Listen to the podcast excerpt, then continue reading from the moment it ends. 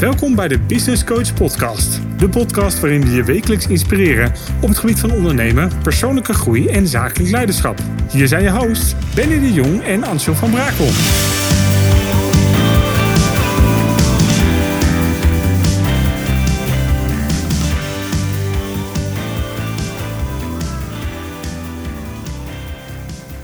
Bij weer een nieuwe aflevering van de Business Coach Podcast. En deze week zijn we in gesprek gegaan met Elze Lamers van EML Juridisch Advies.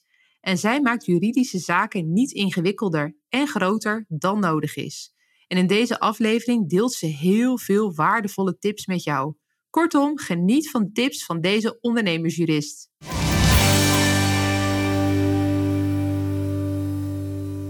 Elze, superleuk dat je er bent. Welkom in de Business Coach Podcast. Ja, dankjewel. Leuk dat ik er eh, mag zijn bij jou. En we gaan vandaag gaan we het hebben over uh, juridische zaken en ondernemerschap. Ja. En uh, ik heb een heleboel vragen, dus ik ga meteen beginnen. En eigenlijk is de eerste, hè, als ondernemer, want juridische zaken hebben natuurlijk ja, toch een beetje een, uh, hoe zal ik het zeggen, een bijnaam. Of een, een, soms wat stoffig of ingewikkeld imago. Ja. Ja, stopt niks van. Precies. Hoeft helemaal niet. Nee. Waar moet je nou beginnen als ondernemer? Nou, je moet, uh, ik denk dat er een paar dingen zijn waar je moet beginnen als ondernemer. Maar bij bijvoorbeeld betreft juridische zaken is het natuurlijk gewoon belangrijk om te weten um, waar jij uh, wil, waar, waar, jij van wil dat je klanten zich daar uh, aan houden, wat belangrijk is voor jou en voor jouw onderneming. Mm -hmm. En ik denk dus dat dat uh, dat je dat heel goed altijd kunt opschrijven in algemene voorwaarden. Uh, en in algemene voorwaarden, daar schrijf je gewoon wat belangrijk is voor jouw onderneming op het gebied van bijvoorbeeld annulering mm -hmm. uh, of aansprakelijkheid of hoe jouw betaalproces daaruit ziet. en ook wat je eigenlijk van je klanten verwacht. Dus wat je, ja, wat je aan informatie wil en ja, dat soort dingen. En wat, er, wat de consequenties zijn als er dus dingen niet gaan zoals jij ze eigenlijk had willen ja, hou, ja, hebben. Uh, wat, ik, wat ik zelf vaak om me heen zie gebeuren, en ik moet ook eerlijk bekennen, ik heb me er ook schuldig aan gemaakt. Wel met toestemming, maar. Hoi. Dat, jij weet wat ik ga zeggen, hè? Ja, ja denk ik. Ja, uh, de algemene voorwaarden van een ander even kopiëren uh, her en der wat aanpassen en er dan mee aan de slag gaan. Waarom is dit nou absoluut niet verstandig? Nou, dat is nou ja, sowieso eigenlijk al omdat je inbreuk maakt op het auteursrecht van de jurist die ze heeft opgesteld. Uh, dat, dat mag eigenlijk al niet. Um, verder heb je natuurlijk, je, je steelt iets van een ander die de investering wel heeft gemaakt. Maar het allerbelangrijkste is, is dat het vaak gewoon niet op jou van toepassing is. Dus ze zijn niet voor jouw bedrijf geschreven en ze zijn dus ook niet, um, ze zijn niet zoals jij zou willen dat, dat het gaat. Bovendien weet je ook niet wat er zelf, wat erin staat. Je weet niet, je bent niet met een jurist door jouw documenten heen gegaan. Je begrijpt niet wat erin staat. Je begrijpt ook niet um, wat er nou, waar, waarom iets in staat of waarom iets er niet in staat. Um, stel jij bent coach, uh, ja, nou dat, is natuurlijk uh, ook zo. Maar je hebt de algemene voorwaarden van, ja, ik, ik weet niet, misschien een, uh, een trainer die het allemaal net anders doet dan jij. Dan heb je geen voorwaarden die op jouw onderneming, uh, ja, die op maat zijn gemaakt voor jouw onderneming. En uh, als je dan zegt van ja, dan, maar dan is het ongeveer daar, hè, beter iets op papier dan niets, zullen we maar zeggen. Hartstikke idee. Ja, ja dat, uh, dat, is echt, dat is echt iets wat ik niet, um, ja, wat ik dus niet adviseer, omdat je die, ja, je, laat ik het zo zeggen, um, het sluit gewoon niet aan op jouw onderneming. En als jij dan op een gegeven moment in de knoei komt, je hebt een hele mooie, hele dure, uh, een heel mooi duur traject, of is het tenminste een flinke investering voor jouw klant. -hmm. um, je zegt dat je klant er bepaalde dingen uit kan halen. Uh, nou, je klant is uiteindelijk helemaal niet zo gemotiveerd als dat misschien uh, dat je misschien had gewild of de bedoeling was. Um, en jouw klant die denkt, nou nee, dit is toch niks voor mij. ehm, ik wil toch annuleren, ik stop ermee. En jij hebt daar verder niet over nagedacht en jouw con-collega ook niet. Dus er staat niks in over bijvoorbeeld een annuleringsclausule. Um, dan gaat zo'n coachingstraject is dus een overeenkomst opdracht en die mag een opdrachtgever altijd opzeggen. Um, dus als je dan pech hebt, dan kun jij ja, al je geld eigenlijk kwijt zijn. Of je gaat dus je gaat naar Rato terug, moet je, moet je terugbetalen naar Rato. Snap je? En dat is natuurlijk niet wat je wil. En uh, met consumenten moet je trouwens ook weer opletten.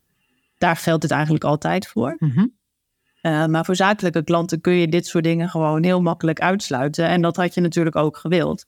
Bovendien wil je ook dat jouw klant, uh, die heeft gewoon een bepaalde verplichting op zich om ook in ieder geval inzet te tonen en zijn best te doen. Uh, om, het, ja, om het beste uit, uit jouw traject te halen. Um, ja, en, en dat kan je allemaal opschrijven in je algemene voorwaarden. Uh, en als jouw collega dat niet gedaan heeft, terwijl jij dat misschien wel uh, had gedeeld, ja, dan is het een duur lesje als jij uh, dat niet ja, goed geregeld had goed geregeld had. Dat je het uh, gejat had. Want ik denk dat jij dit best regelmatig in de praktijk ziet. Hè? Of dat mensen bijvoorbeeld uh, iets als basis hebben gepakt en daar een beetje op gaan zitten tweaken. Of, of misschien zelf wel gedacht hebben, nou, ik stel gewoon zelf wat mooie regels op. Ja, dat, ja. en dat is ja, dat klopt. Dat, dat gebeurt heel vaak. En dat kan goed gaan en dat kan niet goed gaan. En de wet is eigenlijk al heel um, duidelijk over welke afspraken je mag uh, maken welke, en welke niet. Mm -hmm. uh, bij consumenten zeker.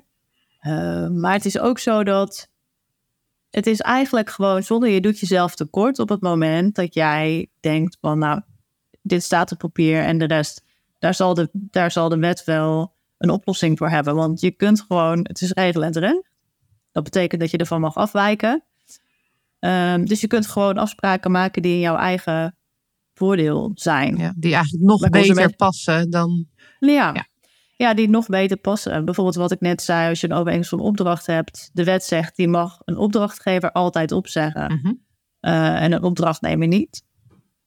Um, nou ja, dat, dat is natuurlijk in de meeste situaties eigenlijk helemaal niet gunstig. Het liefst zou je willen dat je afspreekt dat je er allebei, uh, dat je er allebei van mag afwijken. Dus dat je zegt van oké, okay, opdrachtgever, wil graag een maand opzegtermijn, of dat je je houdt aan een maand opzegtermijn, maar ik wil zelf als opdrachtnemer ook kunnen opzeggen mm -hmm.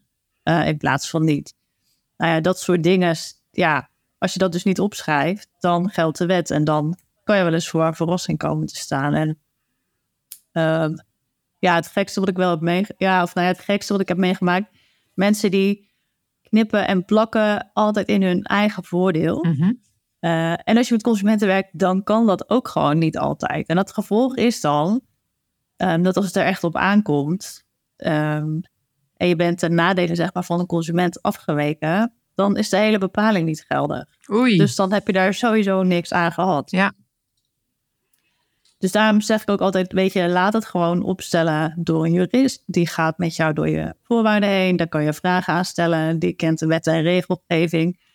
Um, en je hebt het, ja, weet je, je hebt het er gewoon, als het één keer fout is gegaan, of het gaat één keer fout, dan heb je de investering van, uh, van je document gewoon op terug. Ja, je gaf net ook aan dat er best wel een verschil zit tussen consument en zakelijk. Wat zijn daar nou belangrijke zaken om uh, jezelf te realiseren als ondernemer? Nou, bijvoorbeeld dat je aansprakelijkheid kun je niet uitsluiten. Die kun je beperken. Mm -hmm. Wat heel veel mensen doen is uh, uh, dat, uh, dat aansprakelijkheid wordt uitgesloten. Bij zakelijk kun je hem nog kun je hem heel ver beperken. Eh, bij consument kun je hem ook beperken, maar dan kan je hem sowieso niet zoveel beperken dat het ten nadele weer is van je consument. -hmm. Ehm, dat moet je realiseren. Nou ja, annulering moet altijd bijvoorbeeld eh, ja, redelijk zijn voor een consument. Ehm, je moet altijd bij een, uh, ja, bij, een, consument gaat de wetgever er eigenlijk van uit dat jij uh, als consument niks van het recht hebt begrepen. Dat je dat niet kent en dat je ook niet dagelijks contracten sluit. Uh, dus je wordt daar heel goed beschermd. En als ondernemer word jij geacht om de, omdat je vaak contracten sluit, omdat je met de zakelijke kant bezig bent, dat je ook begrijpt wat er, ja, wat, wat de contracten zijn en hoe je die moet lezen. Dus um, als, als zakelijke klant, als wij een contract hebben en um, daar staat in dat je na de offerte bijvoorbeeld kunt annuleren, mm -hmm. uh, maar niet kosteloos. Dat zou bij een consument dan bijvoorbeeld 30, kun je misschien een annuleringsvergoeding van 30% uh, beargumenteren dat dat redelijk is. Maar bij een zakelijke klant kan je 100% annuleringsvergoeding uh, in rekening brengen. Ja, dat is een groot verschil. En dat is een heel groot verschil. En dus als je dat niet uh, weet, dus als jij um, bijvoorbeeld in je, in je, voorwaarden hebt staan dat je een beding hebt voor 100% annulering bij een consument, ja, dan is die hele bepaling gewoon niet geldig. Dus dan geldt ook weer de wet en dan kom je toch weer uit op dat redelijke. Uh, maar je kunt ook een beetje de, nou ja, de randjes opzoeken. Je kunt het natuurlijk wel stretchen. En als je het opstelt met een jurist, die kent ook de rechtspraak daarover. Dus die kan ook met jou meedenken. En die kan ook zeggen van, nou ja, weet je, als je het goed kunt beargumenteren, door bijvoorbeeld uh, zeggen van, nou, ik heb al kosten gemaakt, of mm -hmm. ik kan ook echt niet meer op een ander moment, uh, of, of mijn agenda krijg ik niet meer opgevuld op dat moment, of dat soort dingen. Dan denk ik, ja, dat is wel, een, dat is wel in jouw voordeel dan om, uh, om dat te laten doen. Ja, maar stel nou, je hebt een opdrachtgever en hoe wordt er dan bepaald of het een zakelijke of uh, consument aankoop is? Want als stel je maakt een factuur op en je zet daar niet de bedrijfsnaam op, is het dan meteen automatisch een consument? Nou, dat is wel een goede vraag. Nee, het antwoord is nee. Um, je hebt natuurlijk als ondernemer, om als ondernemer aangemerkt te worden, uh, moet je sowieso aan een aantal eisen voldoen. Hè? En uh, voor wat betreft de factuur, het ligt ook aan, is het een BV of is het een eenmanszaak? Mm -hmm. um, ondernemer heeft natuurlijk altijd een KVK-nummer, B2-nummer. Um, maar het belangrijkste is, handelt iemand in uitoefening van uh, bedrijf en beroep? Dus is het de bedoeling dat hij gewoon de uh, cursus of coachingstraject of wat dan ook zakelijk aanschaft of niet? En een consument. Um, ja, het ligt natuurlijk ook aan wat je aan iemand verkoopt. Maar in principe, als iemand staat ingeschreven uh, bij de Kamer van Koophandel uh, als eenmanszaak, mm -hmm. dan kan het ook nog steeds zo zijn dat iemand wordt aangemerkt als ondernemer. Uh, omdat een juridisch gezien is er zeg maar geen verschil tussen een natuurlijk persoon en een eenmanszaak. Mm -hmm. Dus als iemand een, een eenmanszaak heeft, dan kan je ook zeggen, eh, als degene bij jou zo'n traject heeft afgenomen, kan je dus bijvoorbeeld ook zeggen, uh, maar ik ging ervan uit dat, dat jij, en hij zegt ik ben consument, maar dan kan jij zeggen, nee, ik ging ervan uit dat jij deze, uh, nou, A, B of C hebt afgenomen als ondernemer. Uh, en dan moet ik ook van uitgaan, want je staat als eenmanszaak. Bijvoorbeeld geregistreerd in de Kamer van Koophandel. -huh. Um, ja, en verder is het als je alleen zaken doet met um, ja, zakelijke klanten, ja. is het, dat maakt het leven wel een stukje makkelijker. Maar je kan dan bijvoorbeeld ook zeggen in je algemene voorwaarden dat je ervan uitgaat dat jouw diensten alleen zijn opengesteld voor uh, bedrijven die dus handelen in uitoefening van uh, bedrijf en beroep. Mm -hmm. Uh, en dat ze ook verklaren daarmee akkoord, dat ze dat zeg maar erkennen. Mm -hmm. uh, dus dat, ze dan, dat je dan daar nooit achteraf gedoe mee krijgt. En je kan natuurlijk ook aanvinken op je website. Stel voor je verkoopt ehm, digitale producten. Dat is ook nog wel een verschil, want je hebt ehm, voor consumenten geldt bijvoorbeeld het herroepingsrecht. Nou, en dat herroepingsrecht dat houdt dan in dat je na 14 dagen, dat iemand 14 dagen zeg maar een bedenktijd heeft, wettelijk gezien. Ja. Um, en dat hebben zakelijk, voor zakelijke klanten geldt dat niet. Dus wat je wil doen, als je een digitaal product hebt, dat is op je website al zeggen dat het alleen um, of voor bedrijven is, de dienst die je doet, en dat het herroepingsrecht dus om die reden is uitgesloten. En als je voor consumenten, want je kan het herroepingsrecht ook niet zomaar uitsluiten. En dat is natuurlijk heel goed. En daar heb je ook weer het stukje dat die consument goed wordt beschermd. Um, maar voor consumenten moet je dus weer, ja, moet je weer andere maatregelen nemen. Als je wil dat je online cursus bijvoorbeeld uh, wordt afgenomen, maar dat, die, dat je het niet binnen 14 dagen mag annuleren, dan moet je het uitsluiten op je website en in je algemene voorwaarden. Echt die combi dus je moet, moet, je maken. Ja, je moet wel echt die combi maken. Um, en je moet ook op je, website, je moet op je website aangeven wat wel onder het herroepingsrecht valt en wat niet. Mm Um, en neemt iemand een cursus voor jou af en die betaalt ook meteen online, dan moet je echt iemand actief een vinkje laten aanklikken, of tenminste ja, mm aantinken. Waarin je dus uh, aangeeft van dat iemand zich bewust is dat het uh, levering is met digitale inhoud, uh, waarvan ook meteen alles wordt geleverd. En dus dat het, sorry, herroepingsrecht niet van toepassing is. Ja. Ja, en, en dat zijn wel dingen, maar, maar dan denk ik ook, ken je klant weet voor wie jij diensten aanbiedt uh, en producten. Um, zodat je daar op, op voorhand ook gewoon goed ja, dingen voor kan opschrijven. Ja. ja, precies. Dat je niet voor onnodige verrassingen komt te staan uh, op dit stuk. Maar stel nou dat ik, uh, ik ga naar een leuke grote winkel toe voor een nieuwe tv. En uh, dan koop ik die en dan vraag ik een bon en die laat ik gewoon op mijn eigen naam zetten. Dus niet op de naam van mijn bedrijf. Uh, ben ik dan zakelijk? Ben ik dan consument? Nou, dat is een dingetje. In principe, als je, dan ben je gewoon consument. In een winkel dan koop je iets als consument, tenzij je het ook daadwerkelijk ehm, bedrijfsmatig gaat gebruiken. Uh, maar dan vraag ik me af, waarom zou je het niet gewoon op je, op je bedrijfsnaam laten zetten? Kijk, een consument heeft heel... Ja, die rechten gaan gewoon heel ver. Dus je kunt daar, als je een eenmaal zijn bent zeker, kun je daar gewoon gebruik van maken. Um, en het ligt ook een beetje aan je eigen integriteit, denk ik. Mm -hmm. Maar los daarvan hebben producten natuurlijk gewoon garantie. Of je nou consument bent of niet. Uh, en, en op uh, producten, voor producten geldt gewoon weer dat je, ja, dat je daarmee te maken hebt. Ja. En in de winkel dus ook. En die, uh, die algemene voorwaarden, hè, moet je die nou verplicht op je website hebben staan? Nee, nee dat is ook een fabeltje. Ehm, algemene voorwaarden, om ze te laten gelden, moeten ze dus op voorhand kenbaar zijn gemaakt bij, uh, bij jouw klant. Dus uh, iemand moet, voordat hij de overeenkomst met jou aanging, kennis hebben kunnen nemen van de inhoud van jouw algemene voorwaarden. Mm -hmm. Nou, um, als je dus iets online aanschaft, dan is het dus, dus eigenlijk zo dat je um, het wel moet, je moet hem wel ergens hebben staan. Want als iemand koopt, dan moet hij een vinkje aanklikken. Ja, ik heb de algemene voorwaarden gelezen en ik ga daarmee akkoord. -hmm. Uh, moet hij zelf aanvinken.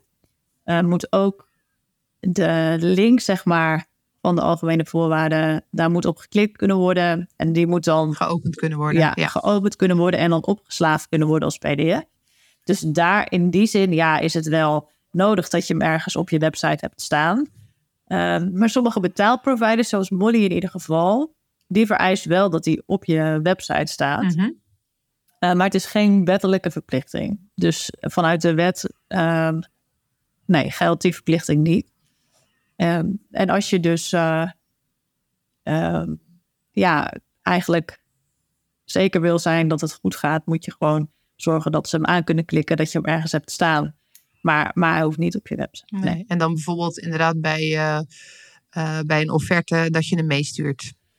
Ja, bij een offerte stuur je hem altijd mee. En als je nou een digitale offerte hebt, dan mag je wel linken -hmm. naar je algemene voorwaarden.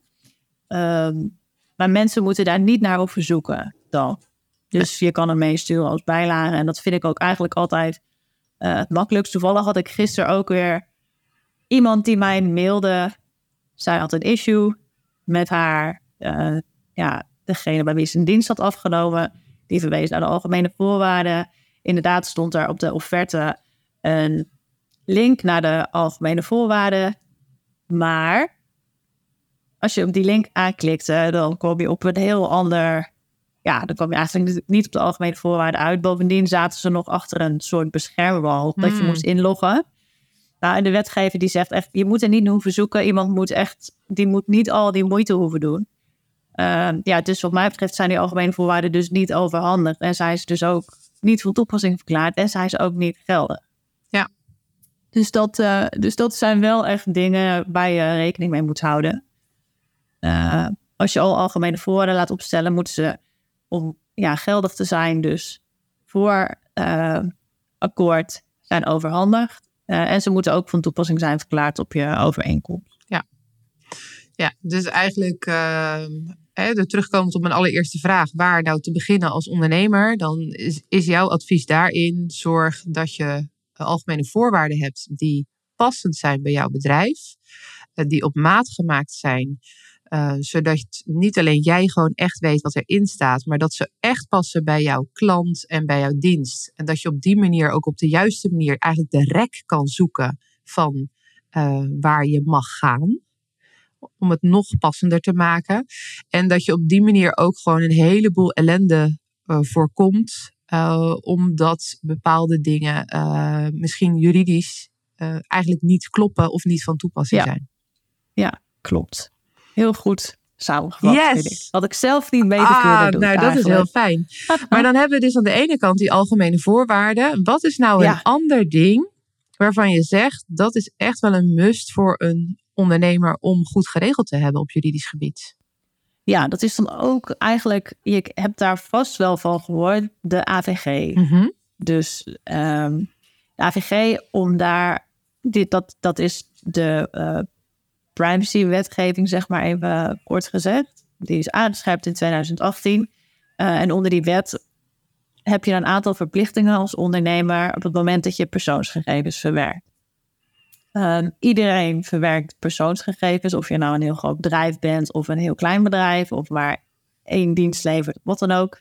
Uh, je hebt dus altijd ook een privacyverklaring nodig. Mhm. Uh, en in die privacyverklaring, dat is een uh, document, daarin schrijf je dus op uh, wat je met persoonsgegevens doet, um, welke rechten mensen hebben met betrekking tot hun persoonsgegevens, hoe lang je persoonsgegevens bewaart, uh, met welk doel je ze uh, verzamelt en waarom, met welke derde je ze deelt en of niet. Um, en dat is ook, ja, dat is gewoon een verplichting. En veel mensen die denken, ik heb geen website, dus heb ik ook geen privacyverklaring nodig. Uh, dat is een fabeltje, want je hebt altijd een privacyverklaring nodig, ook al heb je geen website. Als je een website hebt, dan geef je alleen in de privacyverklaring nog aan dat je dus ook persoonsgegevens kunt verzamelen via jouw website uh, en wat je daar dan mee doet. Ja, precies. Dus het is niet iets wat aan een website gekoppeld is, maar het, het is, nee. uh, de website komt er zeg maar bij als je die hebt. Ja. Correct, ja. Ja, klopt. En dat is um, ook iets wat mensen heel vaak gewoon kopiëren omdat ze denken, nou, dat is een makkelijk standaard document. Hoe uh, specifiek kan dat nou zijn? Mhm. Nee, dat is natuurlijk ook heel specifiek. Want jij doet bijvoorbeeld zaken met uh, een Rabobank. Uh, en jouw buurvrouw doet dat uh, met KNAP. En jij hebt een boekhouder A en jouw buurvrouw heeft helemaal geen boekhouder. Of, weet je, dus je moet dat allemaal opschrijven. En dat moet ook gewoon heel specifiek worden opgeschreven. Mhm. Dus op dat moment heb je gewoon een specifieke uh, ja, privacyverklaring nodig, op jou afgestemd. Dat, uh, dat vergeten mensen ook. Um, heb je het nou allemaal niet op orde, uh, dan kun je een boete krijgen. Nou, van ik de wilde dit dus net vragen. Wat, wat gebeurt er als je dit nou niet geregeld ja. hebt? Ja, je kan echt wel een boete krijgen. Volgens mij uit mijn hoofd, maar dat weet ik niet helemaal zeker, is dat een boete van 4% van je totale omzet. Oei. Um, en ik moet ook zeggen dat ze hebben, ja, ze hebben die boetes wel eens uitgedeeld. Mhm. Um, de grootste kans dat je als eenmanszaak uh, gecontroleerd wordt of als BV gecontroleerd wordt. Of, die zijn allemaal even groot, want dat gaat willekeurig. En als er natuurlijk uh, klachten zijn over jou, Mhm. of er, dan, gaat, dan ben je eerder uh, natuurlijk, wordt er eerder naar jou gekeken en dan krijg je misschien eerder een, um, een waarschuwing of een, of een boete als je het echt niet op orde hebt. Kijk, de boete krijg je natuurlijk uiteindelijk wel als je het ook echt niet op orde hebt. Mhm. Dus je kan een privacyverklaring hebben die misschien niet, uh, ja, die misschien niet helemaal goed is opgesteld of te algemeen, want dat, hij mag ook niet te algemeen zijn. Um, maar dan als je dus als je het achter de schermen wel goed geregeld hebt, dan is natuurlijk de boete uiteindelijk lager. Ja, min, ja lager ja. of je krijgt alleen een waarschuwing. Wat er dus is, je hebt die privacyverklaring nodig, dat is één. Mhm. Vervolgens heb je nog een verwerkersregister nodig. Uh, op het moment dat je persoonsgegevens uh, verwerkt, moet je dus opschrijven wat je met dat, ja, welke gegevens je verzamelt, wat je doelen zijn, wat de grondslagen zijn. En uh, dat schrijf je daarin op. Dan heb je ook nog een ja, intern beveiligingsbeleid. Mhm. Daarin schrijf je op wat jouw organisatie nou eigenlijk doet aan beveiliging van de persoonsgegevens. Dus je neemt dan alle, uh, je schrijft daarin gewoon op uh, wie de toegang heeft tot de persoonsgegevens, hoe jouw systemen beveiligd zijn en nou ja, meer van, van dat soort uh, dingen. Ehm, dat is niet verplicht, maar dat raad ik altijd wel aan, omdat je gewoon nou ja. regel het gewoon ja, goed. Weet ik, je. ik snap wat je eh, zegt, dat het niet is, we hebben hem voor de vorm. Maar stel je, je hebt dat moment en uh, er worden wat vragen over gesteld. Je hebt die controle, dat je ook kan laten zien, weet je, ik zeg wat ik doe en ik doe wat ik zeg. Ja, precies. Ja. En dat, dat wil je natuurlijk ook, want je wil betrouwbaar zijn. En je, je wil ook gewoon eigenlijk dat als er wel iets gebeurt, dat je, dat je, dat je gewoon weet hoe, je, hoe het is geregeld, wat je moet doen. Wat is ook gewoon een stappenplan voor jezelf. Dus dan denk ik, je helpt jezelf er ook mee uiteindelijk. Uh, Ja, dus eigenlijk met het, met het regelen van dit soort zaken vooraf, dat bespaart je een heleboel kopzorgen, geld, ellende en, en stress uh, op het moment dat het dus, nou ja, dat het niet goed gaat. Precies, ja, precies. Dat, ja, en als het niet goed gaat, dan heb je bijvoorbeeld een datalek. Nou, daar heb je dan ook weer, daar, dat is natuurlijk echt niet fijn. De impact kan heel klein zijn. Dus dat gewoon dat ik jou een mailtje stuur uh, die eigenlijk naar een ander bedoeld was, dat er misschien alleen een andere naam uh, bovenaan het mailtje staat. Maar dat kan natuurlijk hele grote gevolgen hebben op het moment dat ik heel gevoelige informatie stuur naar een ander. Wat, dan, heb je, dan heb je wel echt een probleem, heb je ook wel iets uit te leggen. En hoe, hoe pak je dat dan aan? En hoe, welke stappen neem je dan? En moet je het eventueel melden aan de autoriteit persoonsgegevens of niet? En wie doet dat dan? En nou ja, dat zijn ook dingen, daar moet je over nadenken. Uh, en dan, ja, soms moet je gewoon ook heel snel handelen om te voorkomen dat de gevolgen zo groot zijn. Um, ja, dat er daadwerkelijk iemand schade doorkrijgt. Ja. Dus een datalekregister heb je overigens ook nodig. Um, of een datalekprotocol eigenlijk. En dat zit vaak in je verwerkingsregister. Tenminste, dat vind ik altijd heel praktisch om dat gewoon samen te doen. Dan heb je alles ook overzichtelijk. Ja. Maar ik kan me ook voorstellen als mensen nu aan het luisteren zijn, dat ze echt denken: jeetje, jongens, ik wil er ook wel wat mee en ik weet dat ik er wat mee moet. Maar nou heb ik helemaal geen puff meer om eraan te beginnen. Nee, dat snap ik. Wat zou jij dan maar, zeggen? Nou, schakel gewoon een jurist in om daarmee te overleggen. Zeg gewoon wat, is jouw wat, is, wat jouw situatie is, wat je doet. Mm-hmm. Uh, en dan gaat de jurist jou vertellen wat je nodig hebt. En die, als het goed is, neemt, als het bij mij zou zijn, zou ik eigenlijk een korte intake doen, een paar vragen stellen, jou zeggen wat je nodig hebt en dan gewoon een plan maken. Ja. Maar ik denk en dat zeggen, dit gaan we doen. Uh, vooroordelen daarop zijn vaak ook van, nou, zodra er een jurist aan de pas komt, dan. Uh... Maar dan lopen de kosten op. Ja. Ja. Ja, oeh, dat, Ja, dat het zit al in het. woord jurist. Weet je, zo van. Ja. Ja, dat is natuurlijk zo. Maar uiteindelijk denk ik dat het een investering is die wil doen. Uh, wat we net al zeiden, als er iets aan de hand is, uh, dan heb je na één issue eigenlijk je document er al uit, omdat je gewoon alles goed geregeld hebt en dat ook in jouw voordeel is geregeld. Mhm. Uh, bovendien, als het goed is, heb je dan je aansprakelijkheid beperkt. Uh, dus dan ga je al, als er al, als je al aansprakelijk zou zijn, uh, nou ja, dan ga je in ieder geval uh, ga je nooit meer betalen dan wat je in je algemene voorwaarden had staan. Mhm. Ehm, je kunt ook aantonen dat je het goed geregeld hebt. Hè? Dat is ook altijd heel belangrijk. Dus je hebt een streepje voor op het moment dat je kan aantonen van joh, ik heb hier met een jurist voor gezeten, dan, dan heb je een plusje. Nou ja, of, of je daar met een jurist voor hebt gezeten. Ja, je hebt het in ieder geval, ja, je hebt het goed geregeld en je hebt het ook laten doen. En je mocht daar dan ook op vertrouwen dat het goed is gegaan. Zeg maar. Mhm. Als jij zelf je algemene voorwaarden in elkaar hebt geknutseld en er gebeurt dan iets, dan kun je dat niet zeggen. Dan, heb je niet, dan kan je niet zeggen dat je daarover hebt nagedacht. Dat je, dat je echt ervan uit mocht gaan dat het ehm, goed zou gaan, Mhm. zeg maar. Bij een jurist mag je daar natuurlijk van uitgaan. Die heeft daar ook voor geleerd en die heeft als het is ook houdt, ja, die doet cursussen en die weet gewoon, de, die kent de rechtspraak, dus die weet ook de gewoon laatste ins en hoe outs. dat eh, allemaal gaat. Ja, precies. Maar wat ik altijd wel interessant vind eh, aan dit, is dan, je, maakt, je laat wel een website maken van 5000 euro. Ja.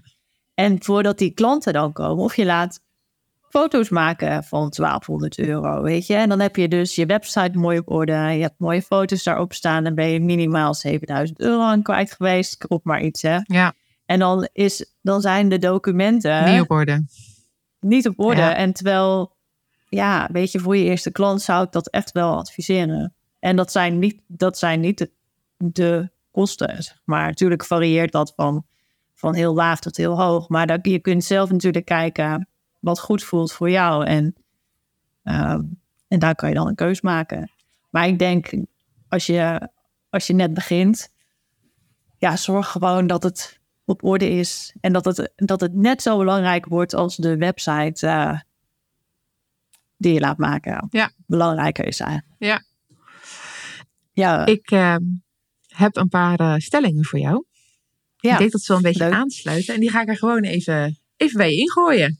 nou, doe maar. Ik ben heel benieuwd.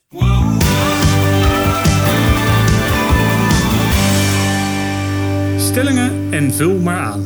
De eerste is, en ik heb hem net ook al even gezegd, beter iets op papier dan niets. Ja, nee, daar ben ik het eh, dus niet helemaal mee eens. Nee, de gevolgen kunnen gewoon heel groot zijn eh, als, je het, als je het niet goed hebt geregeld voor jezelf. Helemaal goed. De volgende. Niets is zo moeilijk als het maken van een goede afspraak. Ja, inderdaad. Ja, behalve dan de nakoming ervan. Ja, je kunt wel een goede afspraak maken. Eh, maar als je het niet op papier zet, dan heb je uiteindelijk... eh, kijk, een mondelinge afspraak is net zo bindend als een afspraak die je op papier zet. Alleen kun je niet bewijzen, eh, op het moment dat het fout is gegaan, wat je nou hebt afgesproken. En ook het menselijk geheugen, daar kan je niet altijd op vertrouwen. Dus je kan ook niet je, je komt daar vaak niet helemaal uit. Ik zou echt altijd adviseren om, om je afspraken op papier te zetten. Juridische zaken hoeven niet zo ingewikkeld. Ja, helemaal mee eens. Ik vind het heel belangrijk, ehm, dat doe ik ook zelf, om je algemene voorwaarden ehm, in begrijpelijke taal op te stellen. Dat eh, de juridische duiding natuurlijk niet verloren gaat, maar ik vind het belangrijk dat jij begrijpt eh, wat er nou eigenlijk staat. Want jij bent geen jurist, eh, maar vervolgens jouw klant is ook geen jurist. Dus als inderdaad die algemene voorwaarden worden gelezen, dan is het belangrijk dat degene met wie jij zaken doet begrijpt wat er staat. Dat kan je ook zien als een service hè, naar iemand anders, dat je gewoon toegankelijke documenten hebt.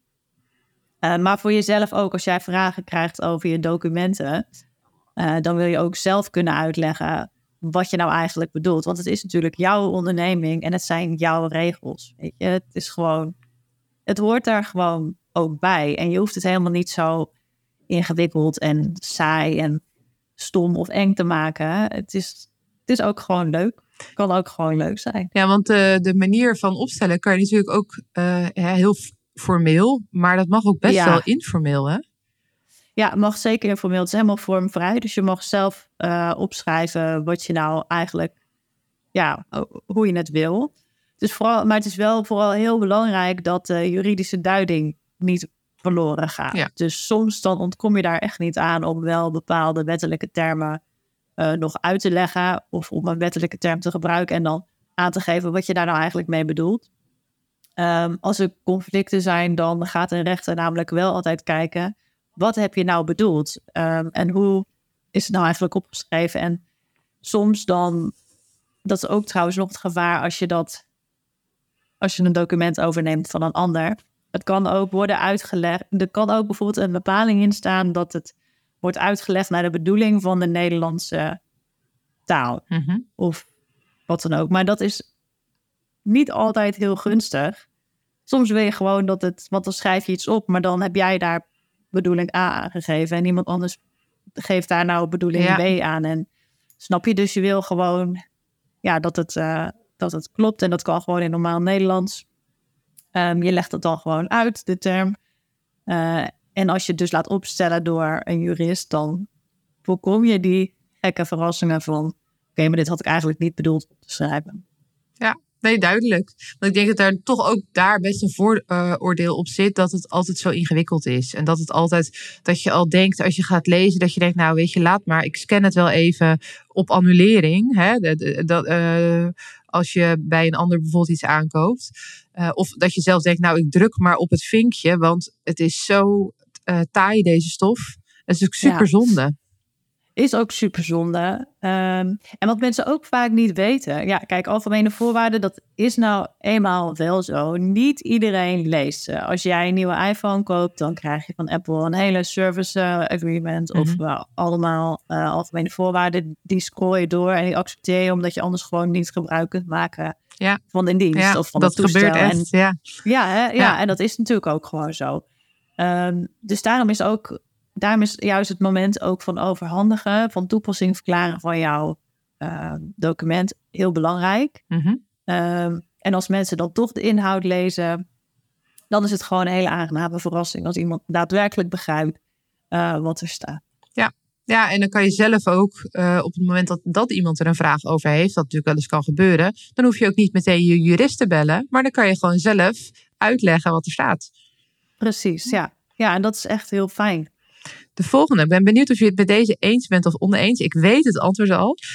Eh, eh, denk ik. Een privacybeleid en een privacyverklaring zijn hetzelfde. Nee, ja, die zijn dus niet hetzelfde. Dat heb ik net eh, natuurlijk al uitgelegd. Eh, een privacybeleid, dat is echt een beleid voor jouw onderneming geschreven. Dus ehm, met wat ik, wat ik net al aangaf. Eh, je schrijft op welke maatregelen je neemt, wie de toegang heeft tot jouw gegevens, wie er, eh, ja, eh, wat, je, wat je doet bij datalek, ook de contactpersonen enzovoort staan er allemaal in. Eh, en een privacyverklaring, dat is echt voor jouw klanten. Dus hoe ga jij met persoonsgegevens om van jouw klanten? En dat is natuurlijk iets heel. En daar zet je ook wel dingen in die in jouw privacybeleid staan. Ehm, maar dat is toch anders. De laatste. Zodra er een jurist aan te pas komt, vliegt het geld je portemonnee uit. Ja, bij mij is dat eh, niet zo. Maar dat kan in sommige gevallen ja, wel zo zijn, wat ik net al aangaf. Ehm, je, moet, eh, je moet goed kijken met wie je zaken doet. Het liefst spreek je op voorhand natuurlijk een vast bedrag af met iemand. Voor documenten kan dat ook heel goed. Eh, op het moment dat er, eh, ja, laat ik even zeggen, when shit hits the fan, dan is het gewoon wel vaak eh, dat je een uurtarief afspreekt. Ehm, omdat je moet je inlezen in een zaak, je moet weten waar het over gaat, je moet de standpunten van de ander kennen, je moet je eigen standpunten goed weten. En dat kost gewoon heel veel tijd om je goed in te lezen ergens in. Eh, maar zelfs dan kun je een inschatting vragen van uren. Eh, en kun je afspreken, oké, als ik boven een bepaald eh, tarief kom of een bepaald bedrag, geef me een seintje. Weet je, zo heb je, hou je gewoon zelf in de hand wat het uiteindelijk gaat kosten. En, en met documenten, nee, nee, dan is het, dat valt echt een reuze mee. Nieuwe website is denk ik duur. Ik heb een aantal zinnen voor je. Ik gooi het begin en dan mag jij hem afmaken. Ondernemen is voor mij. Nou, ehm, elke dag anders. En ehm, ik uh, ben heel blij dat ik de stap heb gezet om uh, zelfstandig ondernemer te worden. Uh, in het begin dacht ik, lang leven de vrijheid. En dat lijkt me heerlijk om geen beantwoording meer af te leggen. En ik heb het eerste jaar nog nooit zo hard gewerkt als ik in loondienst ooit gedaan. Maar um, ja, gaandeweg leer je mensen kennen. Je gaat de dingen overlezen en je gaat uh, kijken hoe het, hoe het anders kan en hoe het, uh, hoe het voor jezelf echt fijner kan. Um, dus ja, en, en dat is elke dag anders. Ja, elke dag heb je andere mensen en, en andere dingen. En dat maakt het ook heel leuk, hè? Dat maakt het ook heel leuk. En het is gewoon super afwisselend en ook veelzijdig. En ik, waar, maar waar ik vooral heel, heel blij mee ben, dat is toch de, ja, de vrijheid die je hebt om bepaalde keuzes te maken. En dat, is, uh, dat mag niet onderschat worden. Dat is echt fijn. Een ideale dag? Voor mij is uh, een dag dat ik eigenlijk ochtends uh, met mijn paarden aan de gang kon gaan. En daarna mijn klanten kan helpen. en dan ook nog ja, soms aan mijn bedrijf werken. Ik heb daar eigenlijk een vaste dag voor. Maar ik heb ook gemerkt dat dat soms als ik gewoon in een fijne flow zit, dat ik smiddags nog zoveel energie over heb, um, dat ik toch nog aan de gang ga aan mijn bedrijf. En dat vind ik heel fijn. Zo'n dag. Je kunt mij wakker maken voor. Niet, niet mij wakker. Nee, ik hecht wel echt, echt aan mijn slaap. En, maar wat ik heel erg leuk vind om te doen, dat is um, ja, paardrijden. Dus als je zegt, eh, oké, we gaan, als je me toch wel wakker maken dan, en je zegt, we gaan naar het, naar, weet ik veel, Texas of Arizona om een week je te drijven op een paardenrug, dat, dat, daar zou je dat me kunnen wakker maken. Ja, dat lijkt me wel heel ja. Mij niet bellen. Oh, mij niet bellen, sowieso liever niet. Wij bellen. Um, ik heb um, een hekel aan onverwachte situaties. Mm -hmm. uh, dus uh, telefonisch ben ik eigenlijk ben ik eigenlijk heel slecht te bereiken, omdat uh, mijn telefoon staat uit. Of die staat op, als, als ik onbekende nummers heb, als er onbekende nummers bellen, -hmm. dan schakelt hij meteen naar voicemail. en dat is ook zo. Ehm, omdat sommige mensen die mij bellen, die hebben een, echt wel een juridisch probleem. En die willen meteen daarover ja, kunnen sparren of kunnen vragen, zeg maar, wat er is. En ik moet soms gewoon over dingen nadenken. Ik moet soms gewoon dingen uitzoeken. Um, dus daar, dat, uh, daar voor mij niet bellen. Liever een mailtje sturen. Op een kruispunt. Goed, uh, naar links en naar rechts kijken. Ik, uh, ja, op een kruispunt vind ik ook eigenlijk wel mijn toepassing, want um, het liefst zoek ik voor iedere situatie wel een voor- en een uh, nadeel en de voor's en de tegens. En ik zoek goed uit wat voor mij dan uh, het beste is. Ik ga eigenlijk nooit zomaar ergens naartoe. Behalve op vakantie, dan maakt het me niet zo heel uit. Juridische zaken. Zij niet zij. Top. Top. Top. Als ik jou nou vraag om, uh, want we hebben best wel besproken over nou ja, het belang van uh, onder andere de algemene voorwaarden, dat dat uh, maatwerk is, dat je ook met de AVG, dat, je, dat het belangrijk is dat je dat echt wel even goed geregeld hebt. Ja. Ehm, wat zou jij nou ondernemers die nu zitten te luisteren willen meegeven aan tips wat betreft juridische zaken? Tips van de expert. Nou, zorg dat je uh, ten eerste weet wat er in jouw onderneming gebeurt en wat je nou echt belangrijk vindt. Schrijf voor jezelf op wat, er, wat de punten zijn uh, waar je nu een aantal keer tegenaan bent gelopen en die je eigenlijk niet fijn vindt. Dus je, uh, je klant die bijvoorbeeld onderdeert of die zijn geld terug wil of die eigenlijk helemaal het resultaat niet heeft gekregen wat, wat hij wel had gehoopt, maar die wel op had gehoopt. Um, ga daarmee naar je, jurist of zoek een jurist uit die bij jou past en zeg gewoon, kun je mij helpen? Ik heb dit probleem en ik wil er graag een oplossing voor. En dan ga je samen uh, aan de slag met je algemene voorwaarden. Misschien kom je tot de conclusie dat je algemene voorwaarden toereikend zijn, maar dan, dan heb je een uitleg.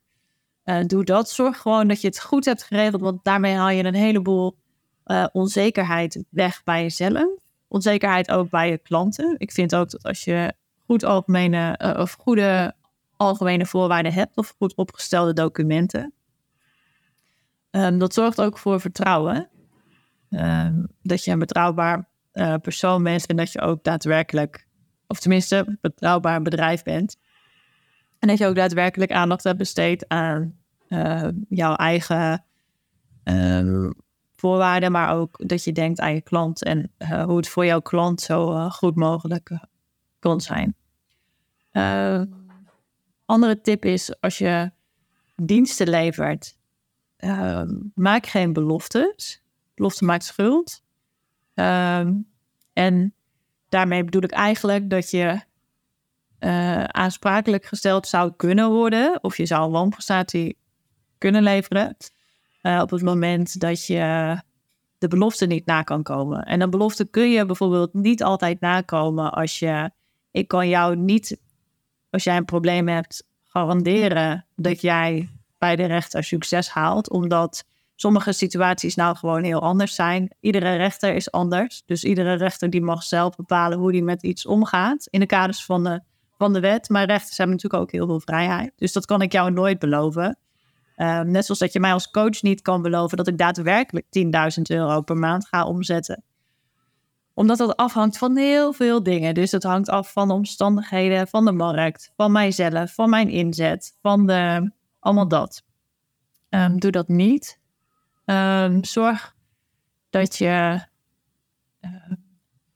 dat je eerlijk bent altijd. En dat je gewoon je best doet. Uh, en dat je eigenlijk je juridische documenten uh, hebt, maar niet nodig hebt. Dat is de beste tip, denk ik. Dat denk ik ook, ja. Ja, ja. ja. ja je wil het gewoon goed doen. Uh, maar zorg ook gewoon dat je het goed doet. Dat je integer bent en uh, dat je dat je er gewoon altijd probeert uit te komen met iemand. Ja, en kan je op zo'n moment ook bijvoorbeeld er bewust voor kiezen om dan een keer af te wijken van je algemene voorwaarden? Tuurlijk, tuurlijk. Ja, zeker. Je kunt um, dat afspreken als je afwijkt. Adviseer ik altijd wel om dat schriftelijk te doen. Uh, dus je, je zegt dan, uh, oké, we hebben dit afgesproken. Dit staat in mijn algemene voorwaarden, maar wij spreken in afwijking van artikel 7, weet ik veel, lid 1 af. Dat we deze weg gaan bewandelen. En um, dat is prima. Um, zegt er dan ook meteen bij, als dat niet al in je algemene voorwaarden staat, dat die ene afwijking niet betekent dat dat meteen voor de rest van jullie zakelijke relatie zo is. Dat is wel belangrijk. Uh, maar ja, je kunt zeker afwijken. Ja. ja, die vrijheid heb je ook gewoon. Zou jij dat aanraden? In sommige gevallen kun je dat prima doen, ja. En het ligt natuurlijk ook wel aan waar je van wil afwijken. Uh, maar ja, ik wijk zelf ook wel eens af. Ja. Ja. Heb jij nog, um, ik heb op jouw uh, website gezien, je hebt wat mini-guides op bepaalde onderwerpen met heel veel informatie die mensen zo kunnen downloaden. Ja, en daar klopt. zag ik er twee staan. Eentje op het gebied van uh, debiteurenbeheer en eentje op het gebied van overeenkomst van opdracht. Ja, wat zouden van die onderwerpen nog even een highlight zijn om mee te geven? Nou, je debiteurenbeheer vind ik um, vooral, dat is echt heel vervelend uh, op het moment. Een debiteur is natuurlijk iemand uh, waarvan jij nog geld, van wie jij nog geld krijgt. Dus in die zin is het helemaal geen uh, negatief woord. Maar als jij een debiteur hebt die niet betaalt, of niet op tijd betaalt, dan wordt het een wanbetaler. En dan gaat er ontzettend veel tijd en energie en geld in zitten om jouw geld te krijgen. Dus waar jij wel recht op hebt, want je hebt daarvoor gewerkt. Ehm, ik vind um, debiteurenbeheer, dat gaat er gewoon om dat je je factuur op, uh, op tijd betaald krijgt. Um, en zorg dus dat je dat op orde hebt. Dat je op tijdje, dat bijvoorbeeld in je algemene voorwaarden staat wanneer je factureert, dat je dat ook doet. Dat je bijvoorbeeld binnen zeven dagen of binnen veertien dagen je uh, factuur stuurt. Of dat je op voorhand je factuur stuurt. Dat is natuurlijk eigenlijk het fijnste. Dan heb je gewoon, en dat je betaling krijgt voordat je gaat beginnen. Uh, maar als jij uh, heel laat factureert, dan weten mensen soms niet eens meer welke dienst je, nou hebt geleverd. Dan ben je niet meer top of mind. Dan zijn mensen die gaan verder met hun leven en dan verdwijnt die factuur een beetje naar de achtergrond. En dat is natuurlijk echt niet goed voor je uh, cashflow. Je wil gewoon uh, betaald krijgen en op tijd betaald krijgen. En je wil ook dat, ja, dat mensen geen. Niet, ja, hoe zou ik dat zeggen? Dat mensen niet denken dat jij niet belangrijk genoeg vindt wat je voor ze hebt gedaan, mhm. eigenlijk. Um, dus zorg gewoon dat je dat op orde hebt. Stuur meteen je factuur als je klaar bent. Of stuur desnoods halverwege je factuur of, uh, uh, of vooraf. En hou je daar ook aan. Bovendien zegt ook de Belastingdienst dat je binnen een maand gefactureerd moet hebben. Um, na oplevering van je uh, dienst. Dus je moet ook gewoon op tijd factureren. Ja, dus niet alleen zorgen dat je het goed op papier hebt geregeld, maar dat je het ook echt omzet in acties. Ja. Waarin je ook eigenlijk laat zien dat hetgeen wat je belangrijk vindt en vastgesteld hebt, dat je dat dus ook echt belangrijk vindt. Ja, precies. Ja, en als je niet op tijd um, kijkt, dan heb je ook weer het verschil tussen consumenten natuurlijk en uh, zakelijke klanten. Um, je wil uiteindelijk in je algemene voorwaarden zeggen dat, je, dat er incassokosten bij komen op het moment dat er niet wordt betaald. Uh, doe dat dan ook. Zorg ook dat je zegt, oké, ik stuur mijn factuur. Dat iemand niet betaalt, dat je dan bijvoorbeeld nog een herinnering stuurt. Mm -hmm. Maar dat je wel zegt, je hebt nog 14 dagen de tijd om te betalen of 7 dagen. Doe je dat niet, dan komen er incassokosten bij. Uh, en dat is niet altijd goed voor je klantrelatie. En daar zijn mensen ook altijd een beetje bang voor.